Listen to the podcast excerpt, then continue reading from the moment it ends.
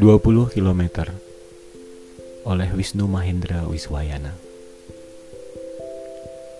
Waktu itu jam 12 malam. Aku beranikan diri datang menemui ibumu. Sempat berpikir untuk mengurungkan niat. Ya, apa tak berlebihan aku datang hanya untuk memintamu menjadi pacarku? Bahkan itu tidak lebih penting dari permintaan seseorang untuk melamar pujaan hatinya. Tapi peristiwa sore itu membuatku bersemangat untuk menempuh jarak yang jauh dengan satu tujuan. Sore itu, kau mengucap salam hangat padaku setelah beberapa hari tak bertemu. Hanya salam. Itu pun kudengar dari seorang rekan kerjaku yang tak sengaja bertemu denganmu. Tapi itu lebih dari cukup untuk membuatku salah tingkah tak karuan hingga malam menjelang. Ibumu di jam 12 malam itu mengajakku bicara dengan hangat. Nyaman sekali untuk menumpahkan semua rasaku. Entah kenapa, bibir dan lidahku ini terasa keluh untuk mengucapkan apa yang sudah kurencanakan sejak berangkat tadi. Aku semakin tak karuan rasanya ketika kamu datang membawa secangkir teh panas dan meletakkannya di antara irbumu dengan aku. Pertanyaan ibumu memecah keheningan malam, membuatku tersentak. Nak Dani, ini sudah malam, hampir pagi. Mau ngomong apa, nak? Walau sejenak aku masih sempat menghirup nafas dalam-dalam untuk memberanikan diri. Sebelumnya maaf mengganggu waktu istirahat ibu. Saya ingin meminta izin itu kalau ibu berkenan. Kemudian kalimatku berhenti. Mau minta izin apa nak Dani? Ibumu sekali mengulas senyum simpul yang tak tahu apa maksudnya. Saya mau minta izin untuk dibolehkan menjadi pacar Andin. Aku menyelesaikan kalimatku. Kemudian memperhatikan lekuk cangkir teh di depanku buatanmu itu. Kuberanikan diri melihat lagi ke arah ibumu, setidaknya untuk meyakinkan dia. Ibumu pun balas melihat tatapan mataku lagi-lagi ada senyum, lebih lebar dari sebelumnya. Silahkan nak Dani minum dulu tehnya. Ibu tahu di perjalanan pasti dingin sekali.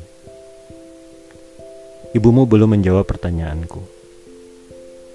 Aku merasa malu dan bodoh. Malu karena menanyakan ini, dan bodoh karena tak tahu waktu. Teh panas buatanmu pas menghangatkan badanku. Manis, legit. Din, sini nduk. Ibu memanggilmu. Sejak meletakkan teh di depanku, aku tak lagi melihatmu sampai akhirnya ibu memanggilmu. Tapi aku yakin sekali kamu tak akan jauh dari ruang tamu, berusaha menguping mendengarkan pembicaraan kami tadi. Iya, sebentar bunda.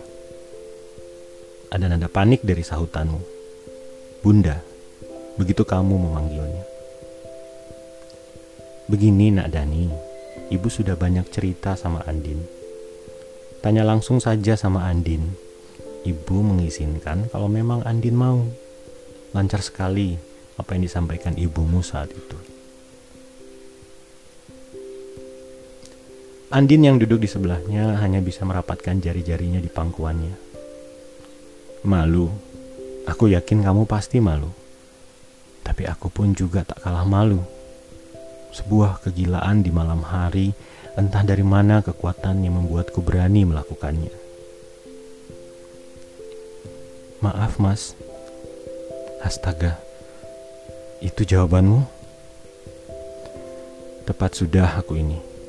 Malu dan bodoh. Lagi-lagi, lekuk cangkir teh di depanku ini begitu menarik. Diam. Semuanya diam. Suara jangkrik di luar rumah mendadak menjadi lebih nyaring dari biasanya. Degupan jantungku berdetak tak karuan. Sebentar, Nak Dani. Ibu hanya berharap apa pun jawabannya. Apa pun itu, terima dengan lapang dada ya, pinta ibumu. Bagaimana lagi, aku sudah berusaha. Aku iakan permintaan ibumu dengan mengangguk. Aku tak bisa, Mas. Benar itu jawabanmu. Kamu tak bisa. Ibumu kemudian memegang pundakmu, kemudian mengusapnya pelan. Aku berusaha menatapnya, tapi kamu tertunduk melihat rapatnya jarimu. Hening, malu, dingin. Beberapa detik saja semuanya menjadi satu, bercampur membuat perut sakit. Perlahan kamu menengadahkan kepala dan menatap balas pandangku sejak tadi. Aku tak bisa menolakmu, Mas. Kali ini, senyum dari ibumu pindah ke kamu juga lebar. Bunda tanyamu pada ibu. Apa yang terjadi? Aku ganti memandang ibumu. Ibumu mengangguk sambil mengusap kepalamu dan menambah senyum lebarnya kepada kami berdua. Tapi ada setitik air mata di matamu. Aku tak tahu kenapa ada air mata saat itu. Tapi aku tetap merasa senang sekali mendengar jawaban dari pertanyaanku. Kuraih tangan ibumu dan kucium sambil berkata, Terima kasih, Bu. Ibumu hanya membalas dengan anggukan. Aku bahagia sekali hari itu, ketika malam sudah berganti pagi. Tapi, kenapa harus ada air mata waktu itu?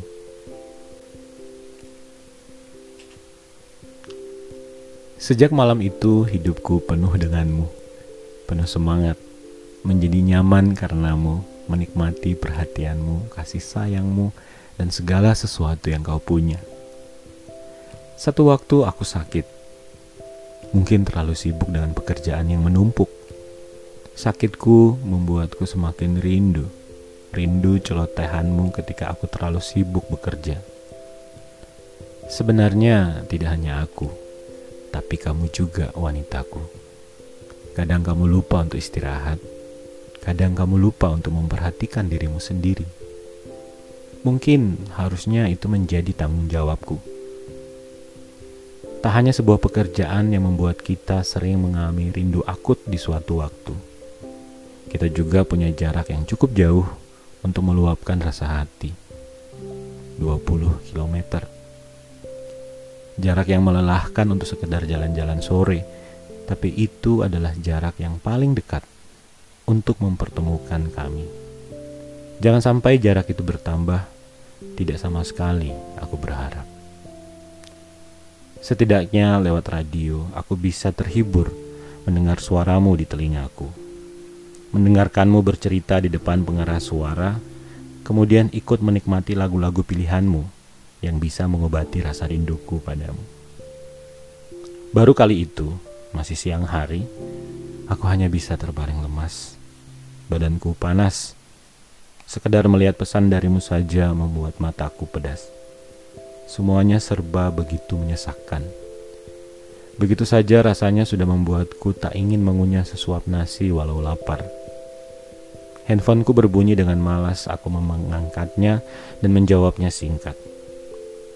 Halo, maaf, aku lagi sakit. Itu saja jawabku. Singkat dan mungkin terdengar serak karena tenggorokanku yang ikut terasa gatal. Kumatikan handphoneku dan kupeluk gulingku dengan erat di tengah suasana hujan deras di luar rumah. Sesekali aku dengar petir dan kilat bersahut-sahutan, hanya kuasanya yang dapat menghentikannya.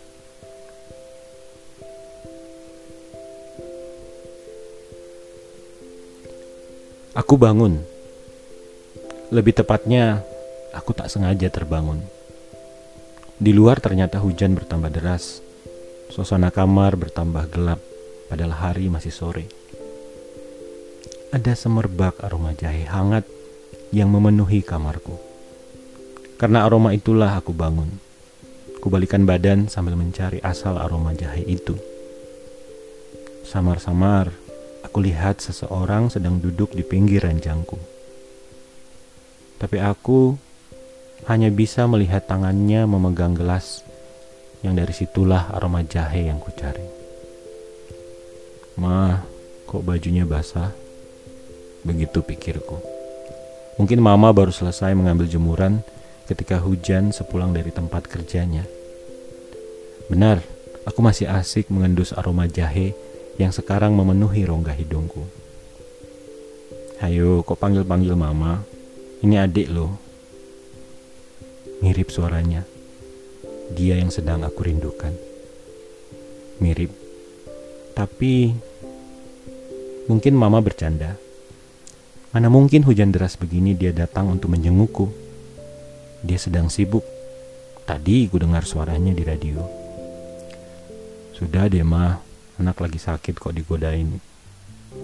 Diam, tak ada jawaban. Mama berdiri lalu berjalan membelakangiku. Kemudian klik, lampu kamarku menyala. Ternyata dia. Ya ampun dek, aku memanggil Andin dengan adik. Menurutku panggilan itu lebih dari cukup untuk menunjukkan rasa sayangku padanya. Mama, belum selesai juga ia menggodaku. Andin kembali duduk di pinggir ranjangku, kali ini menyodorkan segelas jahe hangat yang sejak tadi membuatku tertarik itu. Makasih ya, hanya itu jawabku sambil berusaha duduk untuk meminum isi cangkir itu. Andin sempat membentulkan posisi bantalku untuk bersandar. Ia memegang kepalaku. Sentuhannya membuatku lupa dengan rasa pening di kepalaku. Sudah minum obat? Tadi sudah makan belum? Masih panas badanmu, Mas. Tunggu sebentar. Celetahannya ramai.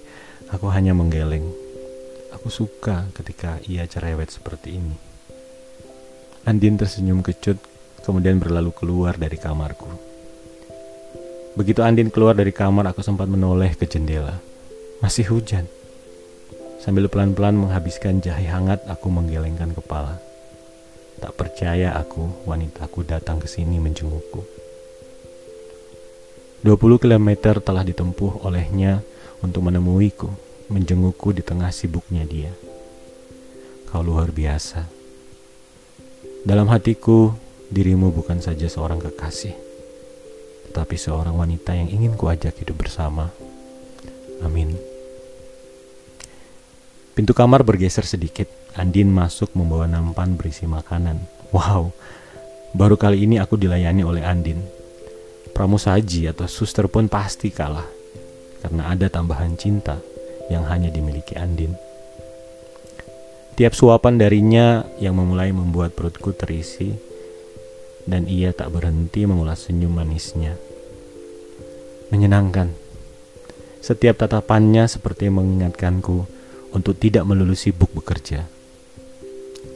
Walaupun senang, aku juga tahu Andin pasti resah ketika aku tak membalas pesannya tadi siang. Bahkan mungkin tadi yang ku jawab singkat adalah telepon dari Andin. Tadi telepon ya. Andin mengangguk Kali ini tanpa ekspresi.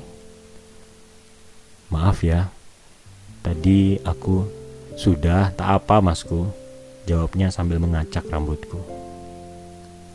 Masku didengerin ya kalau adiknya ngomong. Kasihan dong sama badanmu. Jangan lupa makan dan istirahat yang cukup. Nurut ya, sambil menjewer telingaku. Bukannya sakit, aku malah tertawa karena tingkahnya itu. Tapi memang kali ini aku tak bisa berkelit apa pun. Beberapa waktu belakangan memang aku sering telat makan dan kurang istirahat. Aku mengangguk sambil menatapnya lekat-lekat. Dan dia kembali tersenyum. Hari ini indah, meski hujan begitu deras di luar.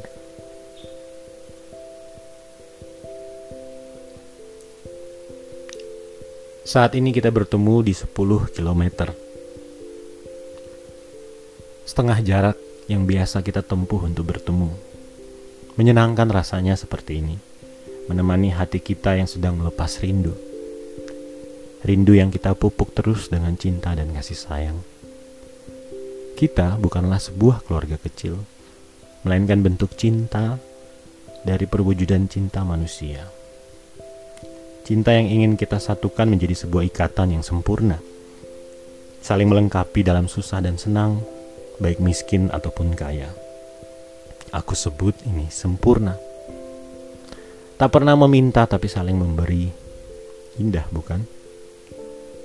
Lembut jemarimu sedang ku genggam dengan halus. Tatapan matamu begitu menyejukkan hati, membuatku tentram dalam resah. Setiap lontaran kata-kata yang keluar dari mulutmu mengalun indah.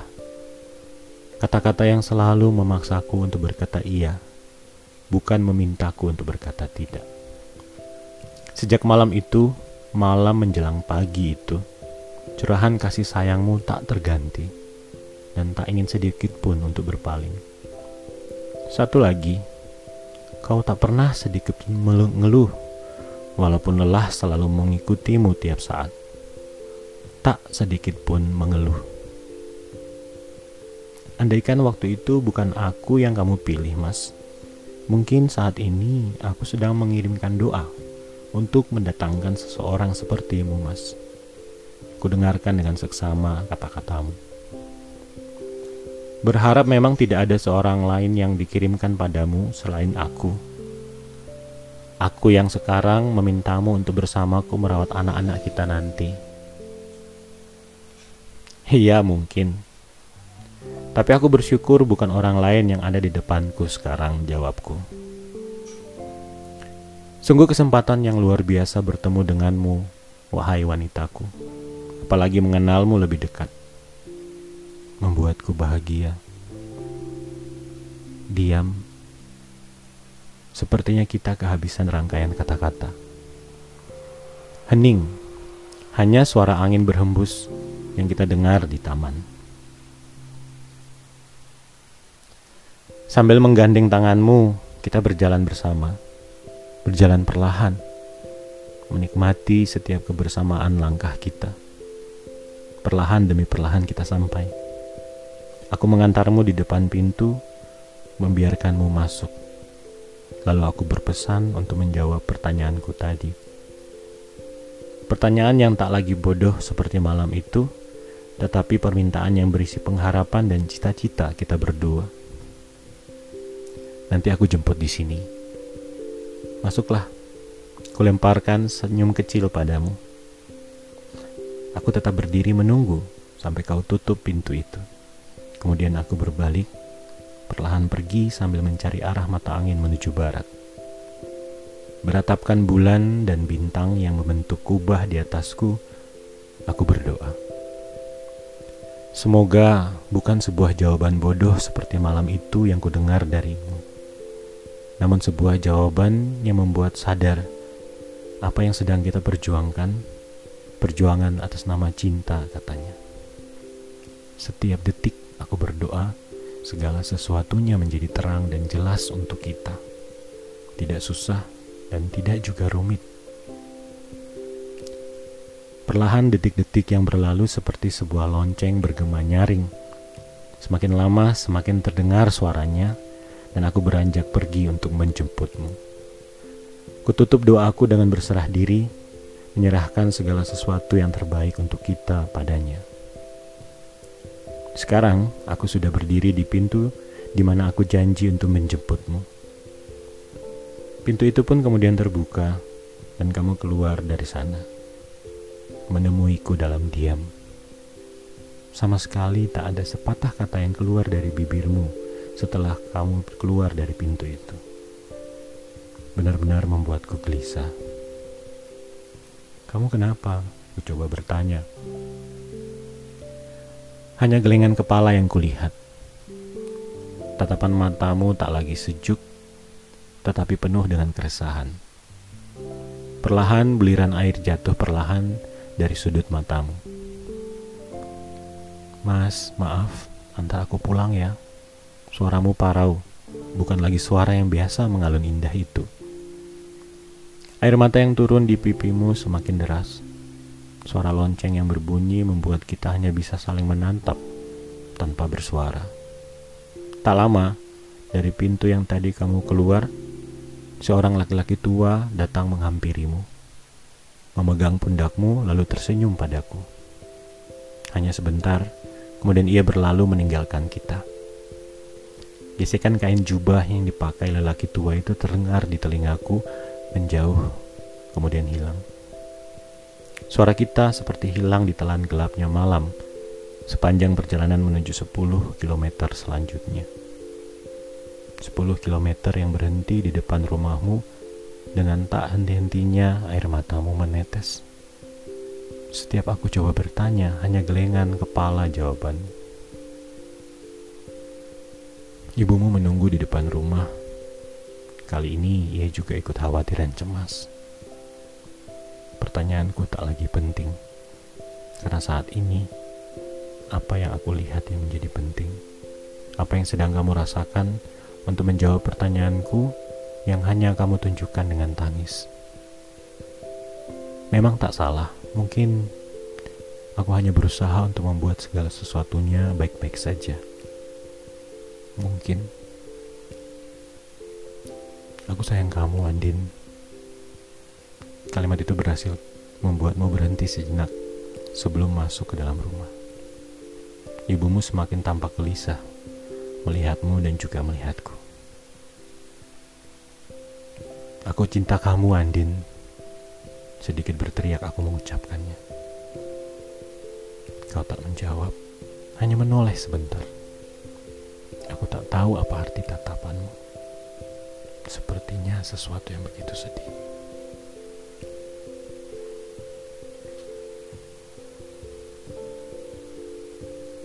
Aku lanjutkan perjalanan menuju 20 km. Jarang ya, jarak yang kembali memisahkan kita. Belum banyak jarak yang kutempuh, tapi di depan kulihat seberkas cahaya yang menyilaukan. Silau sekali, membuat semuanya menjadi putih seperti salju. Sekelilingku berubah tenang, indah, dan sejuk, seperti bertemu denganmu, Andin. Waktuku berhenti, habis sekarang.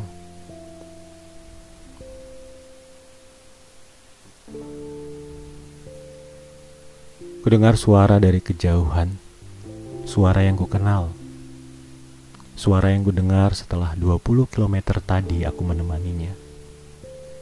Ibumu menemanimu bicara di samping tempat tidurmu. Menanyakan kenapa sejak tadi kamu hanya diam dan menangis. Kau pun merapatkan jemarimu dan menundukkan kepala. Kali ini dalam dimensi yang berbeda kamu menjawab, sekarang aku tahu kenapa malam itu kau menangis dan juga tadi. Suara hatimu tulus, membuatku tak lagi resah. Jarak 20 km pun sudah tak jadi masalah buatku. Kamu berucap, Aku akan selalu mencintaimu, Mas. Mencintaimu dengan imanku.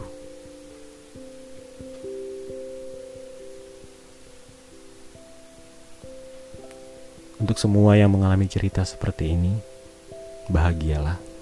Setidaknya kalian masih punya cinta yang penuh perjuangan.